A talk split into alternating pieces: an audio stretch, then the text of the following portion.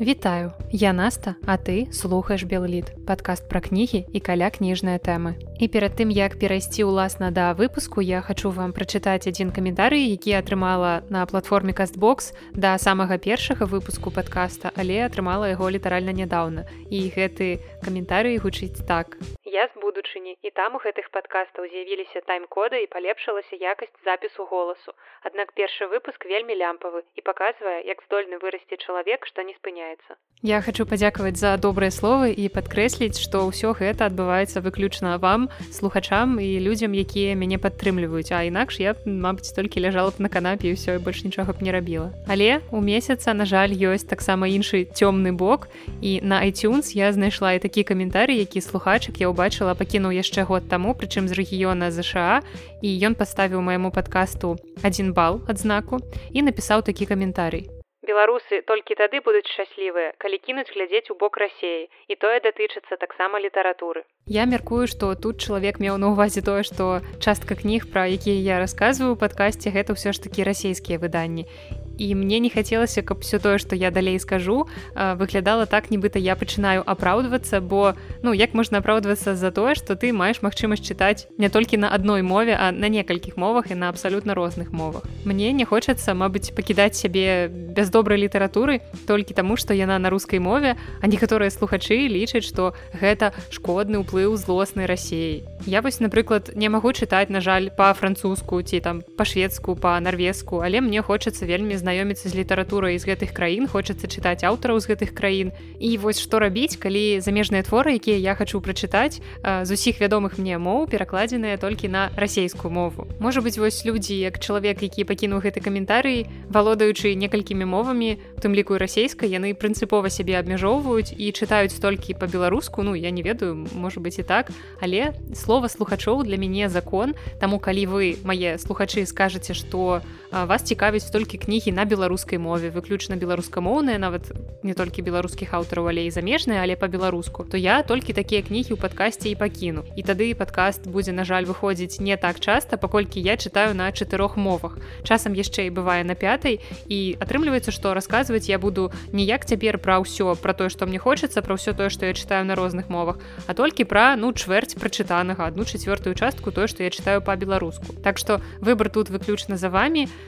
пакідайце каменты з думкамі на гэты конт на ўсіх платформах праз якія вы слухаеце падкаст там дзе можна пакінуць камент і я абавязкова улічу ўсе вашыя меркаванні і ўвогуле мне здаецца што я уже зашмат часу выпуска подкаста прысвяціла гэтай тэме але ну каб вы разумелі што людзі якія робяць контент яны таксама жывыя людзі яны таксама могуць крыху засумаваць на нейкае дрэннае слово. Не тое каб я ну тут сяджу надта моцна пераймаюся але я ўпершыню атрымала вось такі каментарый мне цікава можа быть іншыя людзі просто ніколі не выказваліся на гэты конт і может быть сапраўды вам нафиг не патрэбныя вось гэтыя расійскія кніжкі пра якія я рассказываю. І вам хацелася б слухаць выключна пра беларускае кнігадрукаванне гэта абсолютно нармальнае пытанне якое варта разгледзець разгледзець з маімі слухачамі. Таму калі ёсць у вас нейкія думкі на гэты конт то абавязкова мне напішыце я ўсё пастараюся ўлічыць. А цяпер пяройдзем уласна да сённяшняга выпуску Як вы ўжо прачыталі ў назве сёння нас чакае чарговы выпуск з цыкла сёлета пра творы беларускай літаратуры якія ў гэтым годзе святкуюць юбілей з даты першага выдання у папярэдніх выпусках мы ўжо пагаварылі з вами пра творы амаль векавой даўніны Таму цяпер я думаю што варта звярнуцца да чагосьці больш новага больш сучаснага але пры гэтым ужо праверанага часам. І як у нашым сённяшнім выпадку часам і яшчэ і школьнай праграмы і герой нашага сённяшняга выпуску гэта апавяданне сена на асфальце мехася стральцова упершыню надрукаваная ў аднайменным зборніку апавядання ў 1966 годзе 55 гадоў таму. І як я ўжо сказала гэта апавяданне вам павінна быць добра вядома вядомая дзякуючы школьнай праграме. Прынамсі вось я скончыла школу 11 гадоў таму і добра памятаю гэты твор. І асабліва ён мне запомніўся акурат гэтай вось метафарычнай назвай. І як я паглядзела у сучаснай школьнай праграме цяперашнія школьнікі яго таксама разбіраюць. Гэты твор праходзіць у 11 класе. І судзячы па школьнай праграме па тым дакуменце які мне давялося знайсці ў інтэрнэце яны робяць гэта дзве вучэбныя гадзіны. І магчыма гэта акурат адзін з тых твораў які у труну беларускай літаратуры ва ўяўленні школьнікаў забівае мульцвік под назвай беларускай літаратуры толькі пра вёску або пра нейкія пакуты па вёсцы але я хочу сказаць что пласты сэнсаў якія ў гэтым творы закранаюцца яны сягаюць куды далей за вось гэтае простае вызначэнне што гэта твор пра горад і вёску. Паглыбляцца ў біяграфію самога мехася стральцова мы не будзем але я звярну вашу увагу на некаторыя моманты з яго біяграфіі. Мехай стральцоў скончыў аддзяленне журналістыкі і філалагічнага факультэта беларускага дзяржаўнага універсітэта. Цяпер у нас на філфаку такога аддзялення няма затое ва ўніверсітэце ёсць факультэт журналістыкі цэлы пасля заканчэння універсітэта мехай стральцоў працаваў сумленна па спецыяльнасці ён спачатку працаваў у газеце літаратуры мастацтва з 59 по 61 гады таксама у часопісах полымя і маладосць некалькі гадоў потым зноў вярнуўся ў газету літаратуры і мастацтва а ў 1984 годзе ён стаў загадчыкам аддзела мастацтва крытыкі і бібліяграфіі ў часопісе нёман памёр ён праз тры гады ў 1987 годзе і пахаваны ў мінску на чыжоўскіх могілках. На жаль памёр мехай стральцоў даволі рана ўсяго ў 50 гадоў і ў наступным годзе ён мог бы святкаваць свой 85гадовы юбілей. Ну і такім чынам зборнік апавядання сена на асфальце пісаўся і выдаваўся калі мехай стральцоў працаваў у часопісе маладосць і дарэчы год напісання ўласна самога апавядання сена на асфальце у зборніку пазначаны як 1963 і калі вы не вельмі памятаеце са школы пра што ж гэты твор як казаў наш выкладчык рускай мовы ва універсітэце што самы папулярны адказ які ён чуў ад сваіх студэнтаў гэта ведалі але забыліся калі нешта іх запытваў на экзамене то ён вельмі часта чуў гэтую фразу. Дык вось калі вы ведалі але забыліся ці ўвогуле не ведалі караценька я вам раскажу пра сюжэт гэтага твору і пра яго кампазіцыю. Апавяданне сена на асфальце нас можа здзівіць ужо з першай старонкі бо калі ты разгортваеш кнігу ты бачыш што цяпер цябе нібыта чакае чытання эпісталярнага твора. Гэта значыць што твора напісанага ў лістах. З класічных твораў якія ў гэтым жа жанры напісаныя мы можемм прыгадаць напрыклад эпісталярны роман дастаеўскага бедныя людзі а з сучасных твораў я магу вам горача парэкамендаваць кніху якую напісалі мэры эн шафер і энні бероус у рускім перакладзе яна атрымала запамінальную і такую вельмі незвычайную назву клуб любителей кніг і перагов з картофельных ачыстак эпісталярны жанр вылучаецца тым што праз лісты мы можемм пабачыць унутраны свет герояў паглядзець як яны самі сябе апісваюць як яны дзеляцца сваімі ўласнымі перажываннямі і сена на асфальце пачынаецца под загалоўкам ліст першы які дзяўчына Лена піша аспіранту Віктору і ўспамінае як у яго закахалася. Часта я пытаюся ў сябе як мы сустрэліся і чаму. Памятаю яшчэ калі вучылася ў школе мне неяк не па-дзіцячы хацелася смутку таямнічага незвычайнага лёсу. Прайшлі гады я спазнала смутак і зразумела што навучыцца смутку нельга як нельга навучыцца і радасці. На ўсё свой час. Яшчэ я ведаю цяпер што з гадамі душа цішэе лагаднее супакойваецца але не засынае яна як і раней шукае радасці толькі ведае ўжо што хоча іменна яе. Вось чаму я думаю што пасталелы чалавек большы рамантык чым ён быў у раннім юнацтве. І калі я зразумела гэта я сустрэла цябе раней бы мы не сустрэліся бо не зразумелі б адно аднаго І гэта цікавае разважанне, якія, як мне здаецца, можна прыкласці ўвогуле не толькі да пачуццяў, але да многіх іншых рэчаў. Бо я думаю, што вы таксама, як і я заўважалі, што часам да вас вельмі своечасова прыходзіць, напрыклад, ты ці іншыя літаратурныя творы. Вось вы сёння прачыталі нейкую кнігу і яна вам падалася поўнай лухтой, але ж вы яе перачытаеце напрыклад там гадоў праз 5-10 і не зразумееце сябе колішняга які гэты твор не зразумеў належным чынам так як вы зразумелі яго цяпер. Бо вы цяперашні бязмежна полюбілі гэты твор. А некаторыя творы вы наадварот чытаеце і акурат думаеце адчуваеце што як добра што гэтая кніга трапіла да вас вось цяпер у патрэбны момант. І я ўспамінаю як некалькі гадоў таму знайшла ў бібліятэцы раман колін маккала у птушкі на цернях у беларускім перакладзе. І я подумала што ну гэта ж такая класіка варта ўзяць прачытаць чытаць твор даволі вядомы. І я памятаю як дзяўчаты ў школе чыталі гэтую кнігу падлеткавыя гады даўно ў рускім перакладзе гэта пающыя цярновнікі і былі ў захапленні а міма мяне неяк гэтая кніга просто прайшла я чытала тады зусім іншую літаратуру гэта пераважна былі нейкія або дэтэктыўныя творы або фэнтэзі фантастыка. Ну я не вельмі цікавілася такой романтычнай літаратурай. І вось я ўзяла гэтую кнігу вось цяпер у свае ўжо там далёка за 20 гадоў некалькі гадоў таму і я зразумела што не магу адарвацца ад яе і я зразумела што калі б я гэты роман прачытала ў школе я плявалася стосоткава я пасуджала іншых хто чытае вось гэтую такую романтычную ванільную эсэнцыю але некалькі гадоў таму калі я прачытала гэтую кнігу ўпершыню нарэшце яна мяне вельмі моцна ўразіла і назаўжды запомнілася. І гэта я вяду да таго што можа б не сустрэліся Лена з Віктором не было б ніякага апавядання і школьнікі падзякавалі мехасю стральцову. Але гэта я зразумела жартую. І вернемся да кампазіцыі апавядання і вось гэты ліст Лены які расказвае гісторыю іх адносін з Віктором ён, ён поўны трапяткіх успамінаў і прыгожых назіранняў і гэта вельмі вельмі лірычная частка твора Ты ведаеш, ты, можа, прыкмячаў гэта сцішанае, смужліва мройнае зянне, што бывае вясной на тварах у людзей, на тварах ледзь кранутых першым загарам. Такое яшчэ можна заўважыць, зазірнуўшы чалавеку ў твар, калі на вуліцы ціхі і цёплы дождж. А ты заўважаў, што ў дождж хораша і лёгка думаецца, а на душы бывае так светла і ясна. Але такі прыгожы і рамантычны і крыху сумнаваты ліст заканчваецца і наступная частка апавядання мае падзагаловак дзядзька ігнат. І ў ёй ужо з'яўляецца той самы Віктор, які па дарозе на спатканне з Ленай сустрэў дзядзьку ігната. І дзякуючы гэтай сустрэчы у хлопца народзіцца мноства разважанняў, якія вось і складаюць асноўную тэму гэтага апавядання, якая так прыгожа, так метафарычна выказаная ў загалоўку твора гэта сувязь вёскі і горада і жаданне неяк іх паяднаць каб яны хоць трошкі пасябравалі. Праўда далей у творы тэма гэтая раскрыецца крыху шырэй і мы пра гэта яшчэ далей пагаворым. У кнізе ўвогуле няшмат дыялогаў і амаль усе яны сканцэнтраваныя акурат вось у гэтай частцы дзядзька ігнат дзе адбываецца размова паміж мужчынамі. Галоўны герой твора Віктор ён апавядальнік таксама. Ён былы студэнт і як я ўжо казала ён аспірант які цяпер жыве вось у горадзе. Ён туды пераехаў калісьці на вучобу але застаўся жыць Але вёска яна ўсё ніяк яго не адпусціць і таму вось вельмі цікава яму і вельмі прыемна весці дыялог з дзядзькам ігнатам. Бо той шмат гадоў пражыў у вёсцы, як ён сам казаў. Адкуль вы ведаеце, што ноччу будзе дождж. Я хлопча 40 з лішнім у вёсцы пражыў. Чаму не ведаць.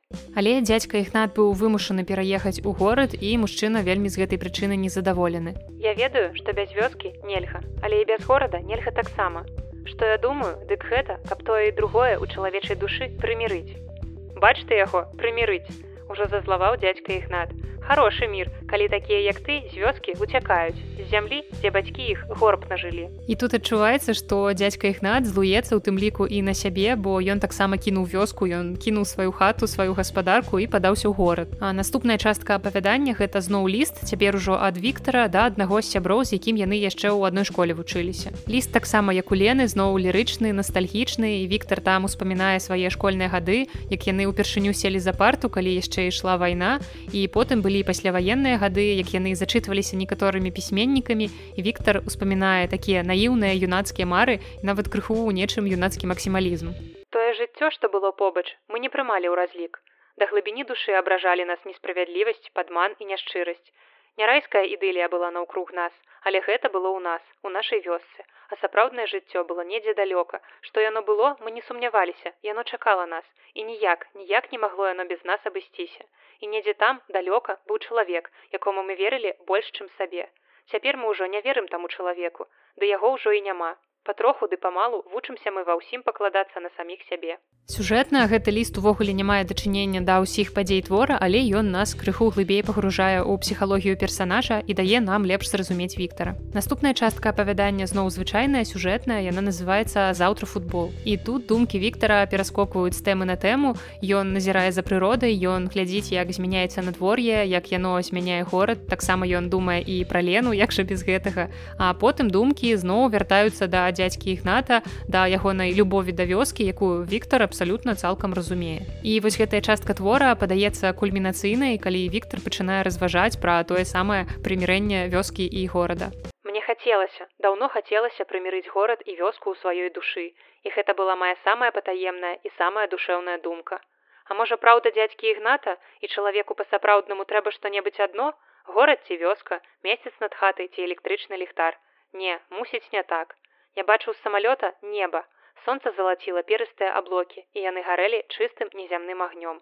Кучавыя воблакі ляжалі ўнізе, здавалася на самай зямлі. Зямля была далёка, і далёка было відно наўкол. І здавалася, у нейкі міг страчвала над табой уладу ўсё зямное. І здавалася, у нейкі міг ты пазнаваў вечнасць, халодную вечнасць, прывабную і чыстую, як залацістае зянне аблокаў. А з неба ўсё лілося і лілося, невыказна чыстае святло. І здавалася, вось-вось надломіцца нешта ў душы, і ты больш чым жыцця захочаш смерці, бо там, дзе душы кранаецца вечнасць, не існуе мяжы паміж жыццём і смерцю. І пакуль я чытала гэты ўрывак ці не ўзнікла ў вас думкі што вы аднекуль ведаеце гэты кавалак на памяць? Бо калі я перачытвала твор у мяне дакладна ўзнікла такая думка. І рэч у тым што школьнікі вучаць на памяць не толькі вершы але яшчэ вось такія празаічныя ўрыўкі з твораў. І думаю што вы адразу можете як прыклад згадаць як тая рабіна свіла ў гэтае лета Ганна. І вось гэты ўрывак сена на асфальце прынамсі мы ў школе вучылі але гэта такое маё лірычнае адхіленне і вернемся назад да думак Віктора о зямля Ты даеш нам тугу па небе, але не меншая наша туга па табе. З далёкіх і блізкіх дарог вяртаемся мы да цябе, і спеў жаваранка аглушае нас не меней, чым гул рэактыўнага самалёта. Ні аднойчы так было і са мной. І часта я думаў, навошта выбіраць паміж жаваранкам і рэактыўным самалётам. Хіба ж нельга, каб было і тое і другое. І мусіць, не ўся праўда ў дзядзькі ігната, Праўда ў таго, у каго яе больш.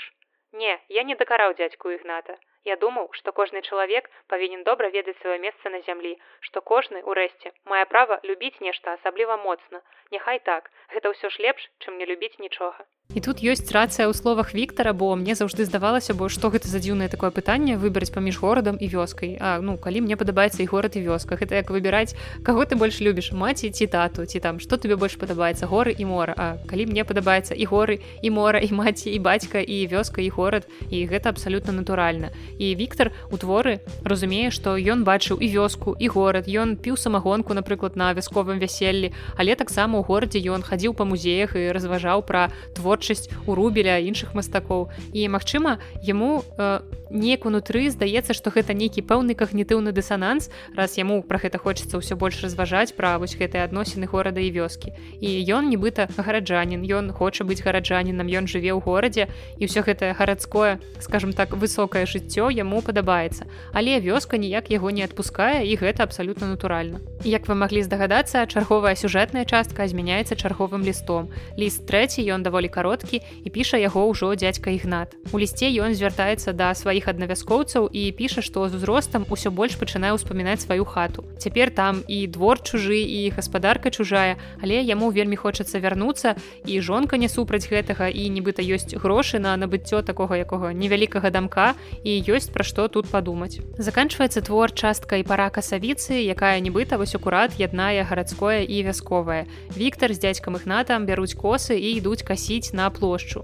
І цяпер мы ў горадзе бачым толькі людзей з трымерамі ці з цэлымі газонакасілкамі бо ніхто не будзе ў цэнтры горада касіць траву касой. І калі я была малая я марыла працаваць э, чалавекам які косіць траву вось на гэтай машынцы ездзіць і мне здавалася што гэта просто вяршыня мараў ідэальная просто праца цэлы дзень на сонцы ездзіш на машынцы і косіш траву. Але вось у творы у стральцова гэтая каса яна нібыта яднае тое між чым у нас цяпер такі велізарны разрыў і ну як бы гэта ўсё зусім не дрэнна тэхналагічны прагрэс все добра просто гэта по-іншаму і тады Віктор разумее што паяднанне магчымае бо ён паўсюль у горадзе будзе назіраць такія дробязі якія думкамі яго прыемна будуць вяртаць у родную вёску бо немагчыма гораду цалкам ад вёскі адарвацца павярнуўся і паціху пайшоў тратуарам. І тут, на тратуары, раптам таксама ўбачыў сена. Невядома кім растрэсены клок падсохлага сена. Па лугавому па-летняму пахла сенам.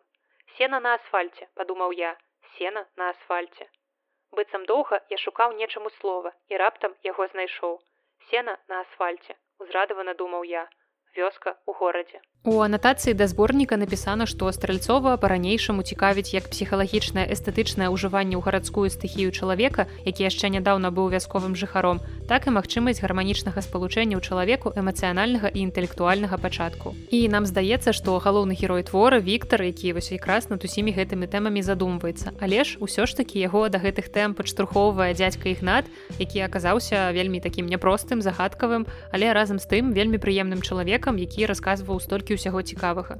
Пра сябе ён гаварыў немат, але пра яго многае акурат можна зразумець між радкоў. І гэта чалавек, які любіць родную зямлю і вельмі дакарае сябе за тое, што кінуў родны куток і ў пошуках лепшага жыцця падаўся ў горад. І ў гэтым выражаная такая прастата яго чалавечай натуры. Бо ён успамінае маладосць у горадзе і стараецца радавацца дробязем, такім жа вось дробязем, які назірае і Віктор. Вось і ў горадзе ён можа ўзяць касу і вярнуцца на некалькі хвілін у часы сваёй маладосці і вось так просто проста касой пакасіць траву. І за ўсім гэтым лірызмам хаваецца і сацыяльны пласт твора такі тут таксама ёсць бо што прымусіла дзядзьку ігната перабрацца ў горад раз ён так любіў свой родны куток вёску чаму ён раптам з'ехаў горад? Чаму ён быў вымушаны выправіцца ў такое падарожжа? Тут трэба ўспомніць пасляваенны стан беларускіх вёсак гэта галеча суцэльная неуладкаванасць і жаданне нешта рабіць са сваім жыццём. У вёсках часцей заставаліся тыя каму зусім не было куды ісці а астатнія спрабавалі выбіцца ў горад бо раптам горад стаўся цэнтрам жыцця Але важная рэч, якую нам спрабуе паказаць аўтар, гэта не прымірэнне вёскі і горада. І я ўжо адзначыла ў пачатку, што тут усё нашмат глыбей, нашмат шырэй. Тут хутчэй гаворка вядзецца пра тое, каб і ў горадзе і ў вёсцы быў аднолькавы высокі ўзровень жыцця, каб не трэба было бегчы ад галечы вёскі ў пышнасць горада, каб чалавек, які вось прывык жыць да прыроды, якому падабаецца жыць у вёсцы, каб ён меў магчымасць годна жыць у гэтай вёсцы. У артыкуле таленавіта і аднастайная ў зборніку шмат шматграннасць даследчык Дмітрый Бугаёў піша пра стральцова так. Бадай не менш часта гаворыцца ў творах мехася стральцова пра тое, што людзі ідуць з вёскі ў горад, астаўшы гарадскімі жыхарамі, шукаюць хоць бы часовага спакою і зацішку ў вёс. І гэта дакладна пра дзядзьку ігната. І калі цалкам разглядаць увесь зборнік сена на асфальце, у якім упершыню і быў апублікаваны аднайменны твор, то там можна знайсці процьму такіх персанажаў, якія калісьці з'ехалі з роднай вёскі ў горад, але цяпер яны вяртаюцца ў родныя мясціны і адчуваюць гэты вось светлы сум. Не ва ўсіх апавяданнях у гэтым зборніку ёсць нават нейкі ўцямны сюжэт даволі часта гэта просто лірычныя замалёўкі і вандроўкі ў думкі персанажаў іх перажыванні і ў іх вось гэтыя адчуванні калі яны вяртаюцца ў родныя мясціны ў родную вёску і таксама гэтым творам міхай стральцоў хацеў данесці да чытачоў вельмі простую ісціну што трэба шанаваць традыцыі і памятаць адкуль мы прыйшлі на якія вышыні мы цяпер не падняліся. Што не трэба саромецца каранёў і трэба з гонарам успамінаць зямлю і мясцовасць якая вас узгадавала. Я нарадзілася ў сталіцы і там жа я вучылася ў школе ва універсітэце і жыву цяпер але з дзяцінства я ўсе канікулы святы выхадныя карцей вельмі шмат часу я праводзіла ў вёсцы у бабулі дзядулі па мячы І дарэчы, невялікая моўная хвілінка, бо я заўважыла, што нямногія ведаюць такія вызначэнні. Вось ці сутыкаліся вы калі-небудзь з такімі выразамі, як бабуля па мячы, там дзядуля па мячы або бабуля дзядуля па кудзелі. І гэта вельмі зручны і прыгожы спосаб патлумачыць, якога боку ваша сваяцтва. Вось замест таго, каб казаць на адну з бабуляў, што гэта маці майго бацькі, ці там бабуля па бацьку, мы можам вось так прыгожа назваць яе бабуля па мячы ад слова меч той меч які зброя ну а калі бабуля там ці пра бабуля ці пра дзядуля у вас з боку маці то гэта бабуля ці пра бабуля па кудзелі. І вядома ж вы можете працягваць казаць як вам зручна дзядуля з боку маці напрыклад. Але наколькі вось прыхожа гучыць гэты вырус дзядуля па кудзелі. І дарэчы вось яшчэ адзін са спосабаў такім чынам шанаваць традыцыі. І ў падсумаванні у мяне не будзе ніякіх патрыятычна-сентыментальных пафасаў бо зразумела што мы з мехацём стральцовым жывём трошкі ў розным часе.